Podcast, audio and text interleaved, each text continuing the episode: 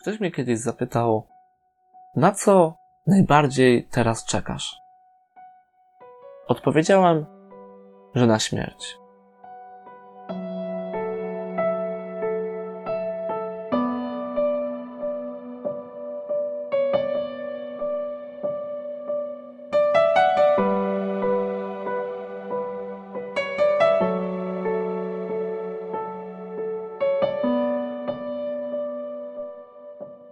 Nie chodzi o to, że mam jakąś depresję, myśli samobójcze, czy, e, czy że nienawidzę swojego życia. Chodzi o to, że myślę, że mam taką świadomość śmierci. Wy masz coś takiego? Prędzej czy później będziemy musieli się z tym tematem zderzyć. Jakby śmierć jest mimo wszystko nieuchronna. I teraz powiedzmy, że gdybym cię zapytał, co byś zrobił, gdybyś miał umrzeć za trzy miesiące? Może byś powiedział, że wyruszyłbyś w jakąś wielką podróż, e, albo próbował się pogodzić e, z ludźmi, z którymi nie jesteś teraz w zgodzie. No to ja w tym temacie mam takie małe wspomnienie, gdy za dzieciaka byłem na rekolekcjach szkolnych, chyba był jeszcze w podstawówce. I jedna taka historia mocno zapadła mi w pamięć. Był e, pewien święty, nie pamiętam jak się nazywał, e, który sobie grał u siebie w domu w szachy. I przyszli do niego ludzie, którzy zapytali go, gdybyś umarł za 10 minut, co byś zrobił?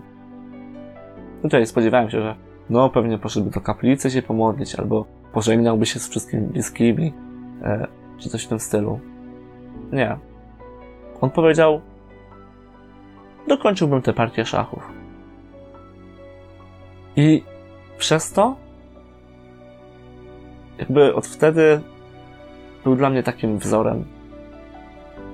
Teraz myślę, że też w pewnym stopniu mógłbym coś takiego powiedzieć. I tu nie chodzi o takie podejście, e, że no przecież tak nic nie zmienię, że jeśli bym ludzi przepraszał, to, e, to to byłoby puste, no bo co zrobisz w 15 minut? Chodzi o to, że ja nie muszę nic zmieniać. Nie potrzebuję niczego zmieniać. Żyję tak, że w każdej chwili tak naprawdę mogę umrzeć. I to jest możliwe w głównej mierze dzięki temu, że jestem w łasce uświęcającej. Pewien ksiądz kiedyś zaproponował takie doświadczenie, żeby sobie policzyć, zrobić taką statystykę, ile dni w ciągu roku jestem w stanie łaski uświęcającej. Jakby, jakie jest prawdopodobieństwo tego, że zostanę potępiony w ciągu roku? I mimo, że teraz mógłbym powiedzieć śmiało 99%, bo, bo staram się e, naprawdę być cały czas w stanie łaski, gdy tylko zgrzeszę, to, to jak najszybciej staram się iść do spowiedzi. O tyle kiedyś to było gdzieś jedna druga, jedna trzecia. I gdy sobie uświadomiłem, że przez dwie trzecie roku moją ostateczną decyzją jakby w życiu było powiedzenie Bogu nie na Jego miłość, bo tym jest właśnie grzech ciężki, że przez dwie trzecie roku, gdybym umarł w którymś z tych dni, zostałbym potępiony, zostałbym odłączony od Boga na zawsze, to to jest przerażające. Jakby też trzeba mieć świadomość, że to, to, to nie jest kara. To nie jest tak, że yy, my grzeszymy, albo mówi, a tak, to ja sobie idę. Nie. To jest naturalny efekt mojej decyzji. To nie Bóg mówi do mnie nie. Bóg mówi do mnie kocham cię, ja mówię do niego nie. Nie chcę tego.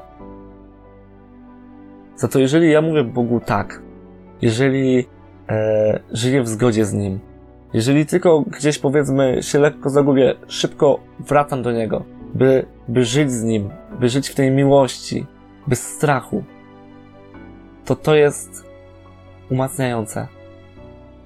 Tak można żyć bez obawy o śmierć. To jest na pewno trudne, ale bardzo wartościowe. Mamy taki okres w ogóle w kościele, w którym myślimy szczególnie o śmierci. E, to jest Adwent. Czas właśnie, gdy czekamy na koniec świata. I to nie jest czas smutku, ani takiego podejścia, że no, w razie jak przyjdzie śmierć, to. Nie. To jest czas radosnego oczekiwania. Oczekiwania, nie przeczekiwania. Nie podejście, no jak musi, to musi. Jakoś, dobra. To jest czas radosnego oczekiwania, wyczekiwania tego. Wyczekiwania nie końca, ale prawdziwego początku. W kościele tak naprawdę codziennie modlimy się o koniec świata. Bo takie wezwanie pojawia się też w modlitwie Ojcze Nasz, która jest podczas każdej Eucharystii. I też myślę, że wybrzmiewa nieraz w naszej codzienności, w naszej modlitwie. Czy mamy taką świadomość? Bo gadanie gadaniem, o tym można mówić dużo, ale chodzi właśnie o tę świadomość. Ja miałem taką historię, że gdy już e, byłem jakiś czas po tym, gdy zacząłem świadomie wierzyć, rozmawiałem z moim przyjacielem, e, który jest ateistą. Lubiliśmy sobie tak czasem do późna porozmawiać, czasem też wchodził właśnie temat wiary. I on właśnie powiedział raz takie słowa, że patrz, kurde, taka mała decyzja, nie? W sensie wierzysz, a nie wierzysz, a jak zmienia perspektywę. Ja jakby tym bardzo ogarniałem, o co mu chodzi. Tak pytam, co? W jakim sensie? O, o co ci chodzi? No bo ja, powiedzmy, nie wierzę w Boga, ani nic jakby ponad. Jakby moje życie wygląda tak, że ja się rodzę, jakby początek mojego życia to jest, są narodziny, potem żyję, jest śmierć i po śmierci już niczego nie ma. Za to jakby w waszym rozumieniu to jest tak, że, że to życie to jest tylko taki malutki przedsionek tego wszystkiego, co będzie później. I no to wstrząsnęło trochę. Że już trochę mi rozwaliło głowę, bo zrozumiałem wtedy, że w ogóle mój przyjaciel, który jest ateistą, lepiej rozumie kwestie duchowe niż ja. Czy mamy taką świadomość? Czy patrzymy na nasze życie właśnie w ten sposób, że to jest tylko przedsionek, co prawda, w którym dzieje się bardzo dużo, ale że to jest tylko przedsionek tego wszystkiego, co oferuje nam Bóg, tego prawdziwego naszego życia.